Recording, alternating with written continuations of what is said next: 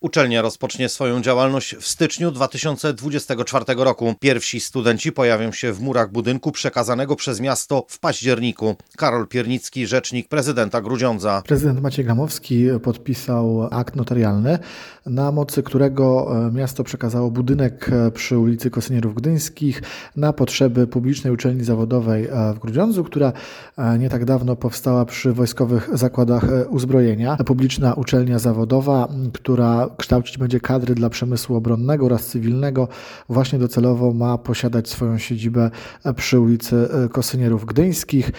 Jest to uczelnia, która także wspierać będzie bieżącą działalność e, wojskowych zakładów e, uzbrojenia. Po ukończeniu tej uczelni studenci otrzymają tytuł licencjata. Grudziądz, Marcin Doliński.